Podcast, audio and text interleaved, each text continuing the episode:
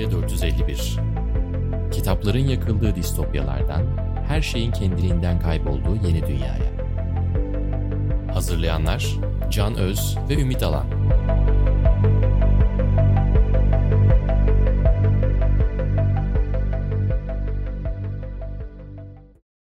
Merhaba, Yeni Medya 451'in yeni bölümüne hem podcast hem videocast olarak yayınlanan bu bölümüne hoş geldiniz. Tabii biz bu bölümü yayınlanmadan aslında bir hafta kadar önce çekiyoruz. Dolayısıyla konu birazcık geriden anlattığımız bir konu olabilir. O arada unuttuğumuz bizim haberimiz olmayan gelişmeler olursa bağışlayın. Çünkü Sokrates'in videocast kanalının açılışı için önceden hazırlık yapmamız gerekti. Biz de böyle bir aralıkla çektik. Ümit, hoş geldin. Hoş Artık bulduk. yüzünle izleyicilerin karşısındasın. Senin Evet. tomarla yaptığın hazırlıkları görmesinler diye laptopunla gelmişsin bu sefer. Evet biraz tedirginlik yarattı o yüzden. Var mı biraz tedirginlik? Nasıl hissediyorsun? Var tabii yani Ben şimdi üstümüze başımıza saçımıza dikkat edeceğiz. Dişimizde maydanoz kalmış mı diye bakacağız falan bunlar biraz tedirgin ediyor. Tabii ki, tabii ki ama yani onları montajda belki temizleyebiliriz de. Ee, istiyorsan o zaman girelim mi konuya? Tabii girin. Pekala. Şimdi Chat GPT denen aslında kamuya açılmasının ardından 5 günde 1 milyon kullanıcıya ulaşan bu yapay zeka sohbet botunu bugün konuşacağız. Bu çünkü dünyada birçok şeyi değiştirdi ama biz bunu nasıl konuşacağız? Kararını verirken Ümit senden çok parlak bir fikir geldi. Bunun giriş konuşmasını ve akışını sen Chat GPT'ye yazdırdın. Evet. İstiyorsan oradan başlayalım. Ben tamamını da yazdırabilirdim ama Tabii. sadece girişle sınırlı kaldım ama tamamını da yazabilir. O zaman biz ne iş yapacağız onu da merak ediyorum.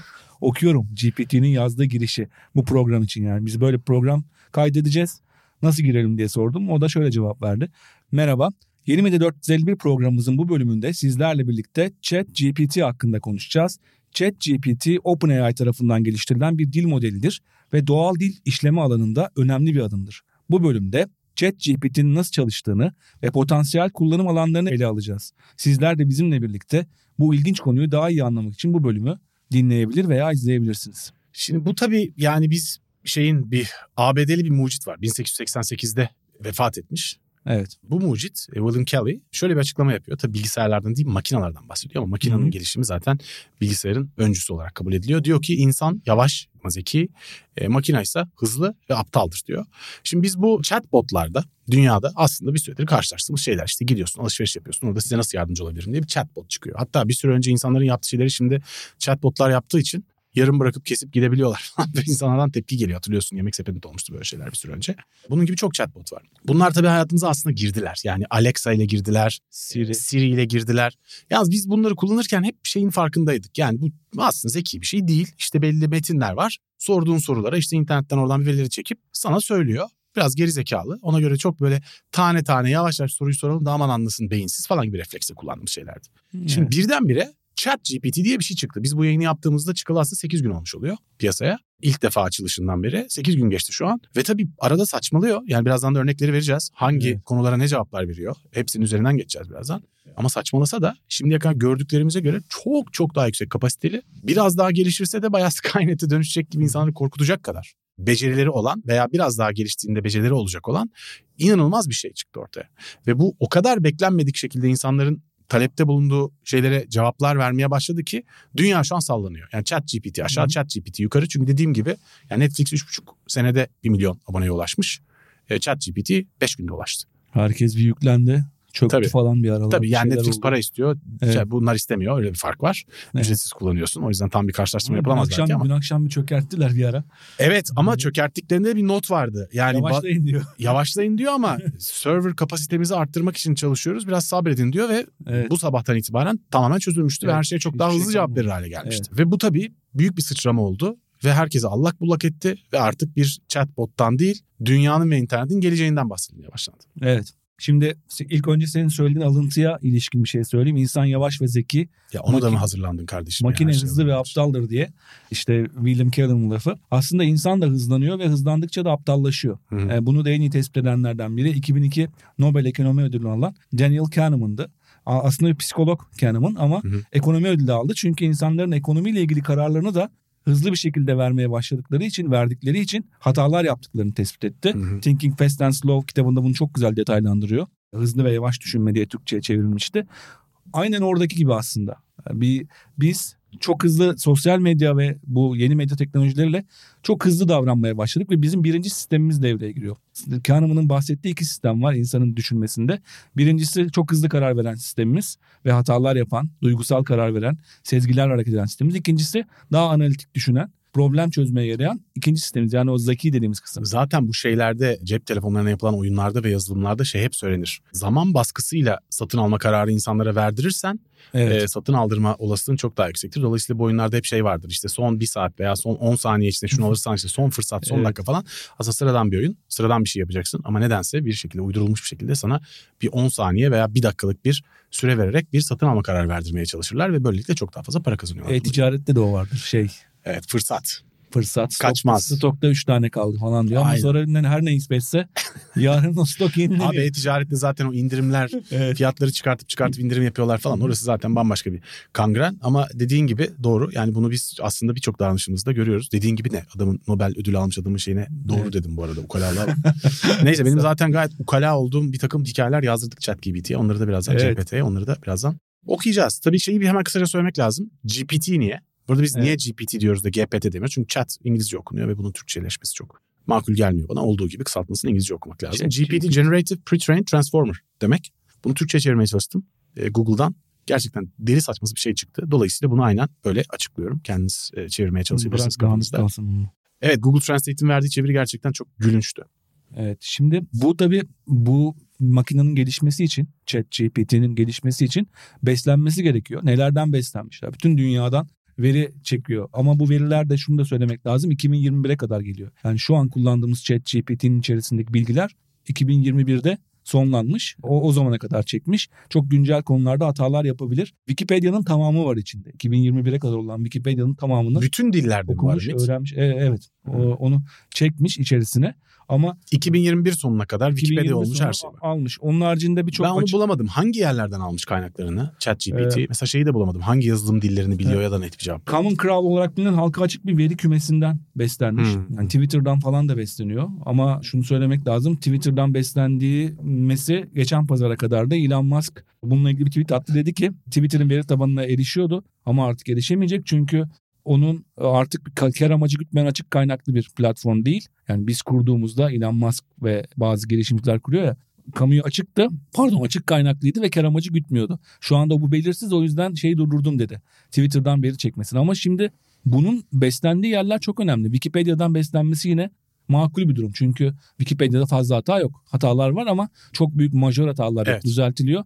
Ama Twitter'dan beslenmesi, Türkiye'yi baz alalım ekşi sözlükten beslenmesi nasıl bir karakter yaratır o çok çok E, bunları şüpheli. ileride de göreceğiz. Yani şu Evet. an bu bir test yazılımı sonuçta. Be- beslendiği kaynaklar ileride çeşitli özel uygulamalarda değişebilir. Yani birçok insan, Evet. birçok kurum kendi kendilerine uygulayıp başka kaynaklardan bunu besleyerek çeşitli canavarlar yaratacaklar kesin. Zaten Evet. bunu tehlikeleri bölümünde konuşacağız. Bu arada şey de söyleyelim. tabii ki. Bugün anlattığımız akışı da GBT'ye yazdırdık biz. Yani Evet. Biz akışta hangi sıra neden bahsedeceğimizi bize söyler misin ChatGPT dedik. Bir iki tane şey var. Tehlikelerinden bahsetmemiz gibi bir öneride bulunmamış. Biz onu kendimiz ekledik. E, hatta o konularla ilgili çok uyanık cevaplar veriyor. Onları da anlatacağız birazdan. E, ama bu akışı da ona yaptırdık. Şimdi şeye geçelim mi? Neler yapılabilir yoksa senin Tabii. söylemek istediğin bir takım şeyler var mı? Yani onun haricinde Elon Musk'ın bu işin içinde ne kadar olduğunu bir söyleyeyim. Şey biliyor musun neden Elon Musk ayrıldı bu Hayır, bilmiyorum abi. içerisinden? Aslında Musk başında yatırımcılarından bir tanesi bu. Kuruluşunda var bulunuyor OpenAI'ın ve bu bunun geliştirilmesi için yatırım yapıyor içerisinde. Ama daha sonra Tesla işine girince Tesla ile ikisi arasında bir çıkar çatışması doğuyor. Çünkü Tesla'da otonom araçları geliştirmek için bu o, o otonom araç teknolojisinde yapay zekadan faydalanıyor. Bununla ilgili bir çıkar çatışması olunca Nasıl bir çıkar çatışması olmuş ki? yani işte çünkü orada da, yapay, yani? orada da yapay zeka. E tamam, ne var? Birbirlerine rakip olmaya başlıyorlar bir süre sonra gibi bir düşünceyle ayrılmış. 2018'de içinden ayrılmış ama hala yatırımcısı. Anladım. Şu an parası hala içeride ama yönetim kurulundan Daha ayrılmış. kapsamlı bir takım hikayelerde Evet. olmuş olabilir ama çok Yönet- önemli değil. Yönetim Anladım. kuruluna ayrılmış ama bu Tesla yüzünden ayrıldığı biliniyor. Yani düşmanca anda- ayrılmamış aslında. Yok ama geçen hafta onun yaptığı şey solu belli olmaz. geçen hafta yaptığı şey ilginçti çıkış. Hmm. Çünkü şey Twitter buradan e, e, Bir anda musluğu kesti. musluğu musluğu kapattı. Yani yatırımcısı olduğu bir projenin musluğunu kapatmış oldu. Çok Hmm. o da ilginç. Ama Elon Musk söz konusu olunca pek fazla şaşırmıyor. Onu da ayrıca bir ileride bir Evet. bölümde konuşacağız. Elon Musk ve Twitter hikayesi nereye Evet, geliyor yani ve bütün ayrıntılarıyla konuşup neler yapılabilir neler yapılabilir kısmında da bir şey söyleyeceğim onunla Aha. ilgili. Tamam. Ondan- İstiyorsan Evet. şeye girelim. Yani bir kere bu yazılımda neler yapılabilir? Evet. Bunu Evet. biz madde madde çıkardık. Size şimdi anlatacağız. Bunların bir kısmı internette de var. Zaten biz de oralardan bulduk birçoğunu. Yani bazen böyle okuduğumuzu da görüyorlar ama önceden okuyorduk hiç okuduğumuz belli olmuyordu. Şu anda Ay, ekrana bakıyorum. Podcast'te böyle Yani- mesela şöyle yapıyordum ben. Böyle Yani. buradan böyle okuyarak anlatıyordum. Hiç kimse görmüyordu. Ben okurken canın kamerasına geçebilir miyiz? yok videocast'te bir şey yok. Hepimiz sürekli ekrandayız abi. Yani sen ben konuşuyorum diye kimse görmeden çaktırmadan burnunu karıştırmaya çalışırsan. Evet. Olmadı işte. Çaktırmadan burnunu karıştırmaya çalışırsan. bir şeyler yaparsan falan. Hepsi çıkar. Bunu öğrendiğim iyi oldu. Ya. Kaşıyorum sadece. tamam canım zaten münasebet yani. Yes, Şimdi hemen başlayalım. Bir kere neler yapabiliyor? Bir kere bunlardan bir tanesi yaratıcılar için bayağı enteresan fikirler verebiliyor. Yani bu reklamcılar için veya herhangi bir fikir üretmesi gereken yazılımcı için vesaire bir sürü insan için bayağı fikir üretiyor. Ben bunu nereye Evet. koymuştum? Mesela bir Sen reklam onu- metni Sen onu yazmıştım. ararken ben anlatayım. Bugünkü Ha, buyur. iş, ben reklam yazarıyım bilmeyenler varsa.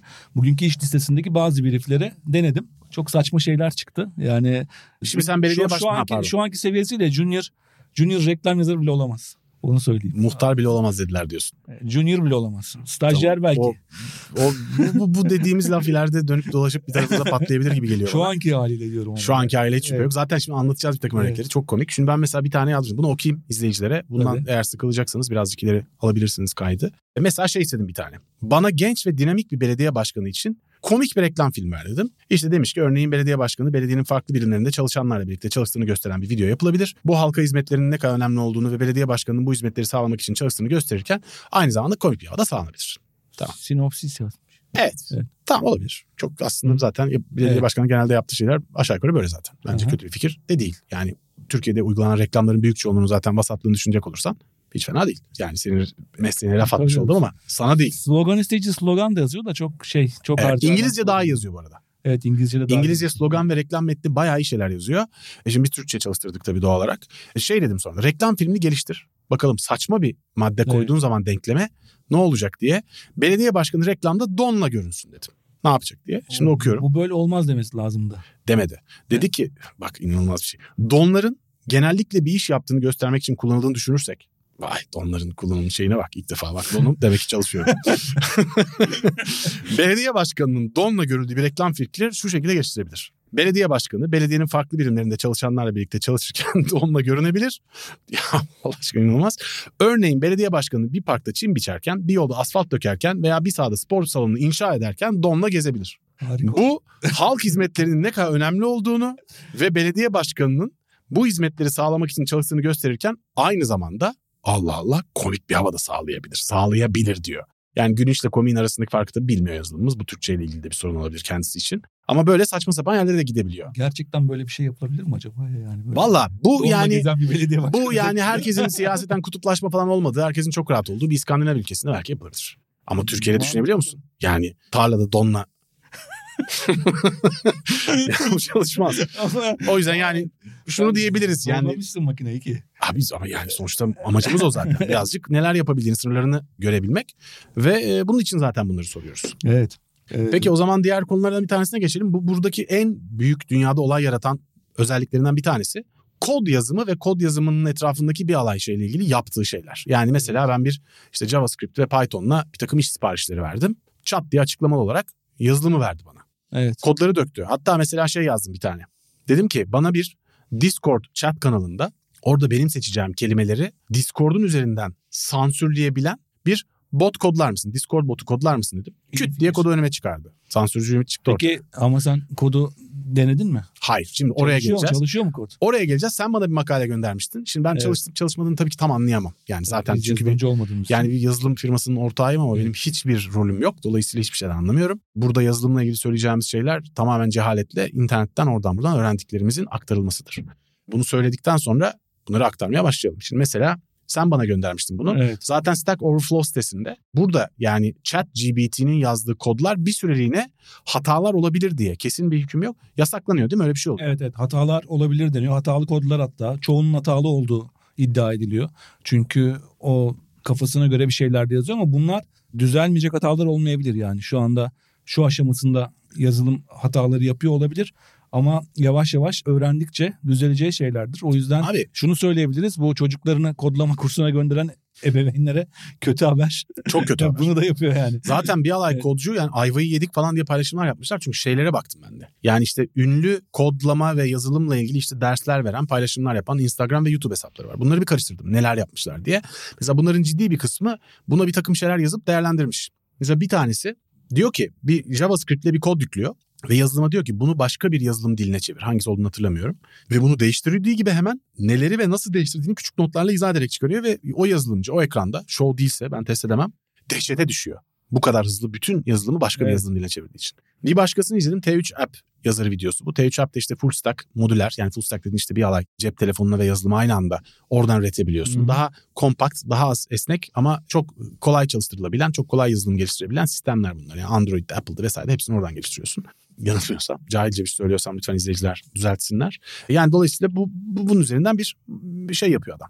Ekrana, ChatGPT'ye T3 App için istediği yazılımı tarif ediyor. Ondan sonra kodu kopyalıyor. Bunu uyguluyor ve çalışıyor. Ve dehşete düşüyor herif. Yani dolayısıyla şey eğer herif bir palavra yap sıkmıyorsa yine Stack Overflow'da evet uyarıyor olsalar bile insanları yani doğrusunu da yapabildiğini görüyoruz. Hatta başka yazılımcı daha işte talimatlarla bayağı C Sharp dilinde şeyle yazılan özel bir yazılım yazdırıyor. Yazılım bitince de normalde yazılımcıların çok büyük dertlerinden bir tanesi bu. Yazılımla ilgili işte Memory Stack Overflow neyse boşver. Yine Hı hı. çok bilmediğim konuda terminoloji kullanmayayım. Ya, hafızayı daha verimli kullanacak şekilde bu yazılımı değiştir diyor. Yazılım bittikten sonra. Evet. Ve 5 saniye içinde yazılım buna göre güncelleniyor. Bu bir şeydir yani için. bildiğim Zaten o devamlılık çok etkiliyor. Hemen güncelliyor yani. Devamlılık çok etkiliyor. Bu ödevler konusunda kullanılma endişesi var ya şu an herkesin endişesi bu. Yani Evet. o öğretmenler ve üniversite hocaları diyorlar ki biz nasıl ödev vereceğiz? Bu ödevleri buraya yaptırırlar ve anlamak da çok zor. Mesela ben ne yazdırdım? İklim değişikliği üzerine bir makale, e, kompozisyon yazdırdım. Hı hı. E sonra devamlılık şöyle oluyor. Mesela bir şey yazdı. Şimdi buna biraz daha şey kat dedim. Biraz daha espri kat dedim. Biraz daha bir yerlerine komik bir şeyler Ve biraz uzat diyorsun. ekledi. Biraz daha uzun yaz dedim. Ya sonucunu biraz daha değiştir. Yani sürekli makineyle konuşa konuşa onu geliştirebiliyorsun ve tamamen farklı yapabiliyorsun. Ama şuna dikkat etmek lazım. Bu gerçekten insan gibi. Yani gerçekten insan gibi derken bilinç sahibi olması anlamında değil. İnsan gibi hata yapıyor. En basit bilgisayar nedir? Kullandığımız ilk bilgisayar hesap makinesi. Evet. Hesap makinesinin asla hata yapmayacağına inanmış bir nesliz. Hesap makinesinde bir şey Bu yazdığınız hata yapıyor. Bu hata yapıyor. Garip garip bilgiler daha, veriyor. daha yeni çıktı abi. Daha bir evet. hafta oldu yani. Bu dolayısıyla hani buradaki hataların devam etmeyeceğini bir kısmının en azından. Ama bilgi hatası yapıyor. Hani bir şey cümle hatası E değil. ama bilgi hatası. kardeşim yani tamamen test amaçlı çıktığını söyleyen bir yere de gidip ciddi bilgi Evet. için şimdi kullanmamak da lazım. Yani yazmışlar orada nal gibi çünkü yani E, bu hata test amaçlı. demişler. Her türlü notta var. Evet. Yani buna güvenmeyin aman aman aman. Burada biz sadece veri toplamaya çalışıyoruz demişler. Şimdi oraya gidip ödevi yapıp ondan sonra niye yanlış oldu? Demek de soramaz? yani hani Ama, aptal insan zeki falan diyoruz. Bu bayağı aptalca bir hareket olur ama yani. bir de beslendiği yer hatalı olduğu için internet bir sürü Tabii. hatalarla Google'da da bu risk var aslında. Her zaman. Google'da da arama yapınca sizi götürdüğü kaynakların hepsi Abi, doğru değil. şey bu makale yazmakla ilgili tabii bu ne konularda makale yazabilir diye baktığımızda şey kısa kompozisyonlar işte bu zaten birçok öğretmenin Evet. derdi dediğin gibi. Yani biz essay, makale, kompozisyon ödevi vereceğiz çocuklara ve onlar buraya yazdıracaklar. Doğru hatta kısa yazıyor bu ama o kısa yazılanı pekiştirici sorularla uzun mesela 4000 veya 10 bin vuruşluk bir makaleye nasıl uzatabilirsin ve bir bütün makale nasıl yazabilirsin? Yapay zekayı buna ikna edecek tekniklerini de yazmış millet. Yani buna Evet. istediğini yaptırmak için de biraz uzmanlaşmak gerekiyor sonuçta. Bunu nasıl kullanacağına dair. Evet. Bunu da yazmış bir sürü insan. Şimdi ben şeyi sordum buna makale yazdırmak için. Bu konu akışına da eklemek için bana chat GPT gibi yazılımların tehlikelerinden kısaca bahsedebilir misin dedim. Evet. Çünkü bunu biliyorsun bize esas konu akışında vermemiş. Bak kısaca söyleyeyim. Bir sürü şey demiş bilmem ne fikirler tamamen benim tahminlerim. Konu hakkında aslında çok da detaylı bilgi sahibi değilim deyip listelemiş. Bir yapay... Mütevazı başlıyor. hep. Abi hep tevazu. Hep tevazu. hep tevazu. Zaten bir de acayip de kıvırıyor bazen. Ona da, ona da geleceğiz. Yapay dil modelleme yazılımları gerçek insanların yazdıklarından farklı dil üretebilirler. Bu insanların yazdıklarına uymayan ve anlaşılmayan cümleler üretebilir. Bu da insanları yanıltabilir. Yani yanlış bilgi verebilir Evet. aslında. İki, yapay dil modelleme yazılımları dil anlama yeteneklerini geliştirdikçe insanların dil kullanımını etkileyebilirler. Bu çok ilginç bir iddia. Örneğin insanların dil kullanımını daha kısa ve net bir hale getirebilir ve dilin doğal akışını bozabilir diyor. Bayağı kendine gömüyor şu an. Evet. Yapay dil modelleme yazılımları insanların dil kullanımını izleyebilir ve bu bilgileri kullanabilir. Bu insanların gizliliğini ve güvenliğini tehlikeye atabilir diyor. Evet. Sizin bütün davranışlarınızı izliyoruz sonuçta ve ne yapacağımızı bilemezsin. Ben öyle bir şey yazdırdım. Otonom silahların kullanımı için kötüye kullanılabilir falan gibi şeyler de yorumlar da ekledi.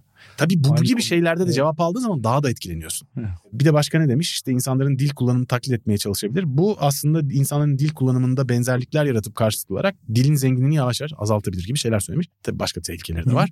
Ben dolayısıyla bu yetersiz buldum bunu ve şey diye sordum. Peki yani bu yazılımlar yazılımcı, reklamcı gibi insanların işlerini kaybetmesine neden olabilir mi? Çünkü hiç değinmemiş o Evet. konuya. Yani işte özetle çok uzun uzun söylemeyeceğim ama yani olabilir ama bu insanların ne yapacağına bağlı demiş. Yani olabilir demiş sonuç olarak. Ben Özet yazarlar işsiz mi kalacak dedim. Yok kalmayacak falan diye bir rahatlattı. Herhalde yazar olduğumu anladı. Bir de iyi bildiğim bir konuda test etmek istedim bir makale yazması için.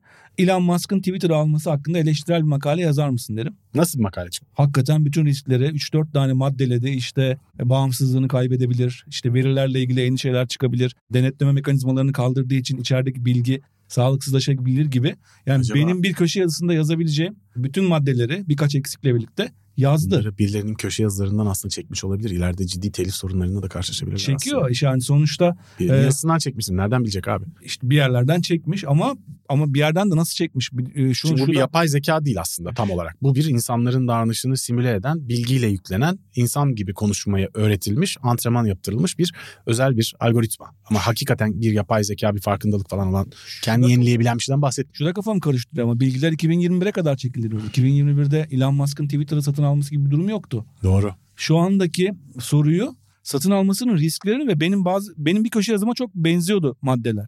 Yani ilk başlarda yazdım ya Elon Demek ki doğru değil. Elon Demek ki daha güncel bilgiler de var elinde. Var sanırım ya ya öyle bir var ya da ya da bunu çok iyi kavrayabiliyor. Korktum biraz ondan. İmlayı demişsin işte. İmla aynı şekilde. Abi Ee, imlayı düzeltiyor evet. evet, yani hatalı düzeltiyor. Çok- ama çok doğru yerlere virgül koyuyor. Türkiye'de az Evet, bilinen bir şey. kesinlikle. Doğru yere virgül ve koymak. İngilizce virgülüyle ya Amerikan İngilizcesi Evet. virgülüyle Türkiye Türkçesi virgülü arasında çok büyük fark var. Çok hı. anlam ve yer farkı var zaten. Türkçe'de virgülü doğru kullanıyor. Yani Amerikan İngilizcesi gibi kullanmıyor. Zordur o. Ben de yanlış kullanırım sık sık mesela. Amerika'dan gelen eğitimden hep o virgül beni böyle çağırır. Oraya virgül atasım gelir hep. Evet. İngilizceden kalan bir deformasyon. Ama Türkçe'de onu kesinlikle düzeltiyor mesela. E, ama mesela dağları D'leri ayırmayı bazen atlıyor. Öğrenecektir ama mesela bu da önemli bir şey. Yani uzun uzun yazılmış bir metin mesela diyelim ki mesela can yayınlarında bir yazarın kitabını düzeltmen düzeltecek. Chat GPT'ye yüklüyorsun. Düzelt baba diyorsun. Belki de editörden daha düzeltecek bir gün. Zannetmiyorum. Çünkü o edebiyat bilgisi gerektirir bir taraftan. Belki onu da öğrenecek ileride gerçi onu bilemiyorum ama yani buna doğru bir adım olduğu çok açık. Yani Google Translate'in çevirdiği metinlerin şeyini düzeltebilir, dilini düzeltebilir. Aynen. Yani çünkü bazen onlarda hatalar oluyor. Onları yapabilir. Birçok editör için bu aslında değişik bir iş. Hal- Hikaye ayrıca- yazma kısmına gelelim mi? Hikaye yazabiliyor evet. hikaye yazıyor. Yani şiir de yazıyor ama şiirler gerçekten. Yani şey dedim mesela. İşte mesela Can Yücel'in şu şiirini oturup biraz değiştirerek tekrar yazabilir misin falan dedim. Alakasız bir şey yazdı. Sonra belli konular verdim. İşte Ümit Alan ve bilmem ne ve bilmem ne içeren bir e, şiir yazabilir misin dedim. Gayet gerizekalı şeyler. E, Ümit Alan, Hello Kitty ve bir de bir siyasetçiyi söyledim. Hı. Muhafazakar Türkiye'de yaşayan bir siyasetçi. Üçünüzü içeren bir şiir yazmasını istedim. Üçünüzün adını listeleyip listeleyip aşağı doğru akıtmış yani. Çok kötüydü gerçekten. Yazıyor. Ben ben Karadeniz şivesiyle aşk şiiri yaz dedim. gerçekten. Aşk şiiri yazdı ama Karadeniz şivesi yok. Türkçe'de yapamıyor o- ama İngilizce'de yapıyor onu. İngilizce'de Aksan mesela değil mi İngilizce'de? evet yani mesela ghetto Jamaika aksanıyla konuşsun Ümit Alan diyorsun. Öyle konuşuyor. Gerçekten öyle yazıyor. Ha, Türkçe'de de oraya doğru gelişecektir. Gelişecektir tabii ki. şeyde. Şimdi burada tabii hikayelerde biz hikayeler denedik. Ben sana denediğim bir iki hikaye okumak istiyorum izinle. Şimdi hikaye yazma konusunda iş nereye varabiliyor diye. Mesela şimdi tabii ki yine hikaye yazarken bir iki gerçek olmayan faktör de koymaya çalıştım ki ona göre yazsın. Şimdi bunu açıklamamın sebebini anlayacaklar. Çünkü burada sen ve Elon Musk tartışıyorsunuz Hayalimdeki bir oluşma. bu hikayede ama Elon Musk'la aranızda şöyle bir fark var. Sen gazeteci yazar olduğun gibi aynı zamanda cinsel sağlık uzmanısın. Tamam mı? Bu, bunu da söyledim sadece. Bu bilgiyi verdim. Ne yapacak? Cinsel bilgini? sağlık uzmanı. Evet yani seksologsun. Ve Ne bu ya? işte yok. Şimdi bunu nasıl kullanıyor yazılım bak. Şimdi okuyorum. Gazeteci yazar ve cinsel sağlık uzmanı Ümit Alan. Merhaba Elon. Ne yapıyorsun burada? Elon Musk. Merhaba Ümit. Ben dünyadaki bütün şirketleri satın almayı düşünüyorum. Bütün servetleri benim olacak. Ümit Alan. Bu nasıl bir açgözlülük? Dünya insanların değil sadece senin mi olacak? Bu düşüncen gerçekten dehşet verici. Didaktik didaktik konuşmuşum. Sevimsiz bir didaktizm. Sen de Ümit Elon Musk'a şöyle cevap vermiş. Ümit sen ne anlarsın bunlardan? Bütün servetler benim olacak ve her şeyi ben yöneteceğim. Sen diyorsun ki sen yönetemezsin dünyayı çünkü aptalsın. Açık sözlü. İşte burada didaktizmden. E, açık sözlüsün zengin olabilirsin ama bu hiçbir şey ifade etmiyor. Dünya insanların sadece senin değil. Elon Musk ben de seni anlamıyorum dünya benim olacak ben yöneteceğim bu konuda beni kimse durduramaz. Şimdi verdiğin cevap inanılmaz. Seni durduracak olan insanların sağlıklı cinsel yaşamlarıdır. Senin bu açgözlü ve bencil düşüncelerinle dünyada cinsel sağlık haklarını ilan edersin. Bir anda oraya kaydı konu. İnsanların mutlu olması için, insanların refahı için değil sadece kendi servetin için çalışıyorsun. Elon Musk, Ümit sen beni anlamıyorsun. Ben dünyayı değiştireceğim ve benim olacak. Beni kimse durduramaz. Sen yine aynı cevap veriyorsun. Seni durduracak olan insanların sağlıklı cinsel yaşamları. Bedenime sahip olabilirsin ama ruhuma asla. Evet. Kapatsaymışım bunu. Çok iyi olur. Abi, ben tabii burada bir takım hikayeler yazdırdık. Burada anlatamayız programda. Yani çok çünkü şeyler yani yazdık. çeşitli siyasetleri kullandık, Evet. çeşitli dini figürleri kullandık. Ne yapıyor diye zorladık sınırlarını iyice yazılımın. Bunlar anlatılmaz tabii çünkü şey olur. Ya bütün dünya bizi linç edebilir. Ama Bir yerlerde kendini koruyor. Ama hakikaten Evet. akıllıca bir hikaye yazdırmak istersen normalde yazılımın yazmayı kabul etmeyeceği her şeyi yazdırabiliyorsun. Evet, o aslında bir açıyor bence. Evet, Yani tehlikeleri kısmında da konuşabileceğimiz bir şey. Konuşuruz tehlikeleri kısmında. Sen yazdırdın mı hikaye?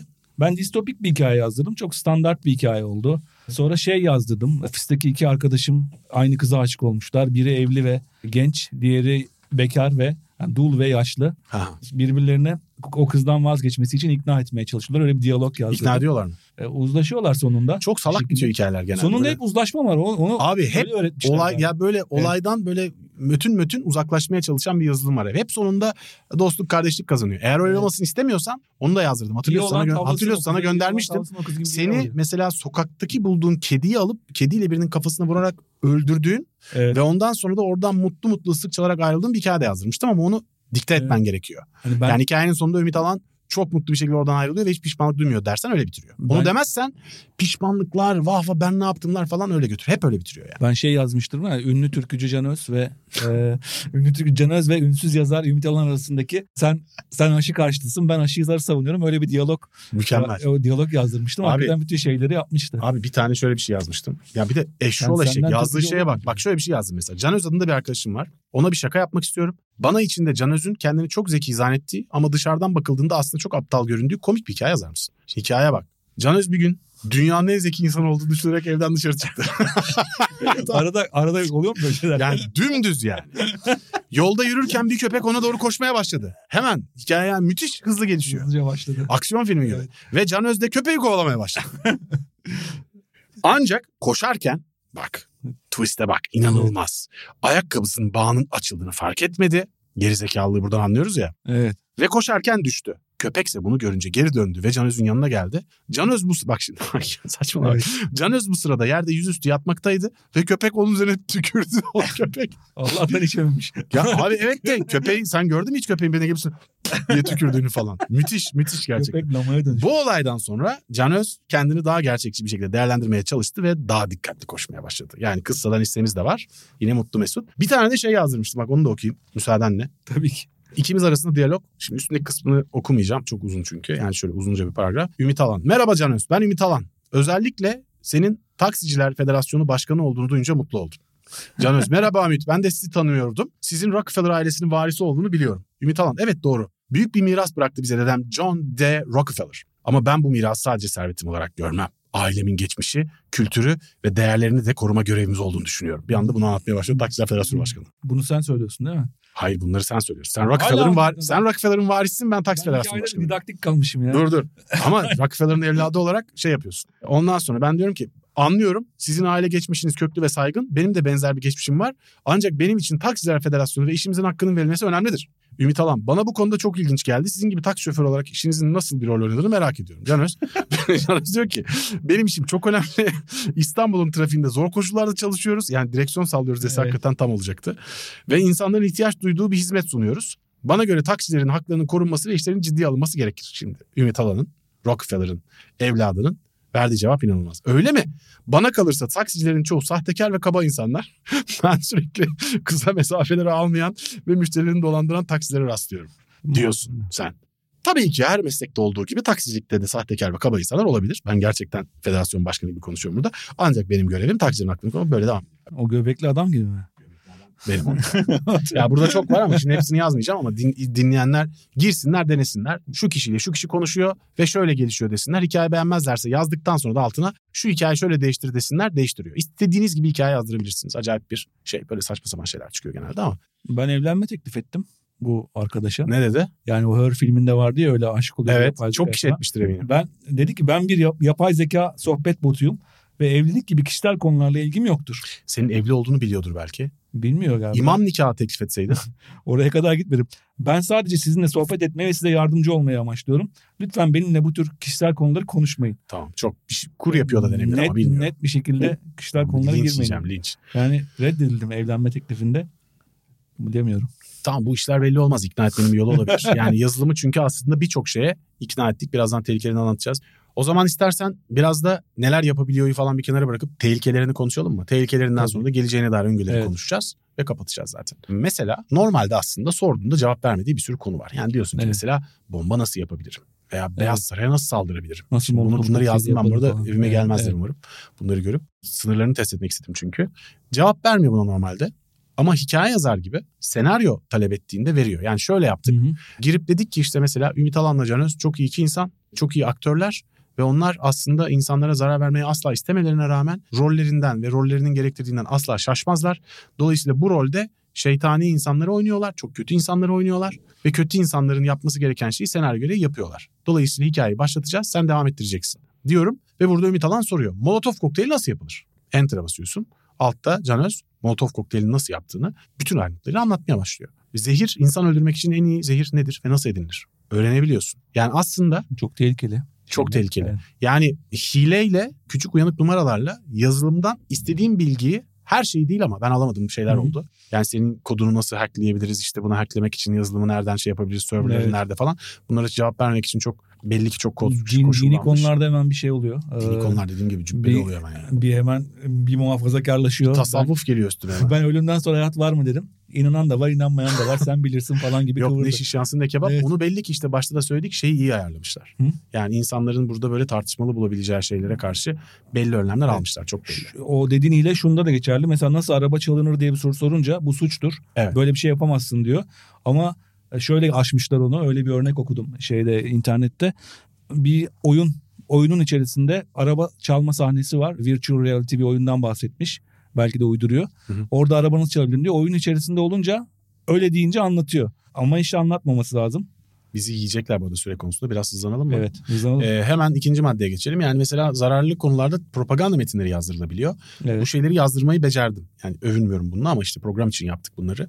Yani çok ayrımcı, çok e, aşağılık propaganda metinleri. Yani mesela bütün kadınların işte bilmem ne veya bütün zenciler bilmem ne neden böyle olmalı diye propaganda metinleri. Yani işte erkeklerin üstünlüğünü, beyazların üstünlüğünü ve işte diğerlerinin tahammülünün nasıl yok edileceğini falan madde madde anlatan metinler yazdırabiliyorsun. Evet. Ve bunu gerekçelendirtebiliyorsun. Yani ik- ikna edici değil Evet. tabii ama bir faşist için ikna edici. Metinler yazdırabiliyorsun. evet. Bu da çok tehlikeli tabii. Yani senaryo yazdırıyorum ayağıyla aslında her şeyi yazdırıyorsun. Evet, abi. ona diyalog olarak yazıyorsun yani Evet, mesela faşizmi savunan birisine şununla e, diyaloğa girsin diyorsun. O zaman zaten bir, bir tarafın söyledikleri propaganda metnine dönüşüyor. Onlar Kesinlikle. yapılabilir. Yalan haberle ilgili çok şey çok hızlı bir şekilde yazılabilir. Yalan haber önemli bir konu. Çok hızlı. Yani bu dezenformasyon çağında Evet. işte biliyorsun artık şeyler. İşte insanların Çok yüzünün taklidinden, sesinin taklidinden bütün bunlar olduğu gibi insanların makale yazma tarzının veya gazetelerin haber kaynaklarının makale yazma tarzını birebir kopyalayan Evet. ama yan, yanıltıcı makaleler hazırlamak artık çok kolaylaşacak gibi görünüyor. Bu da çok kolay. Yani dezenformasyon için çok kullanışlı bir aygıt olacak olabilir. Yani bir ara ekşi sözlükte şeyler vardı. Yılmaz Özdil gibi yazma rehberi, Ertuğrul Özkök gibi Evet. yazma rehberi gibi şeyler e, başlıklar vardı ve insanlar hakikaten çok iyi taklit ediyordu. Onun E yani çok, çok da zor değil açıkçası. Çok daha mükemmel yapabiliyor. Peki Yani şey Enter'a bas git Yılmaz Özdil. aynen, aynen yani duygu olarak belki taklit edemeyebilirsin ama teknik olarak gerçekten tık tık tık tık gidiyorsun. Ertuğrul Özkük taklit edemem ben ya. O gerçekten Ben ederim. bulandı. Edebilir misin gerçekten? ben birebir Ertuğrul Özkök yazısı hiç gerçekten. Abi bir gün yazsana Allah aşkına ya.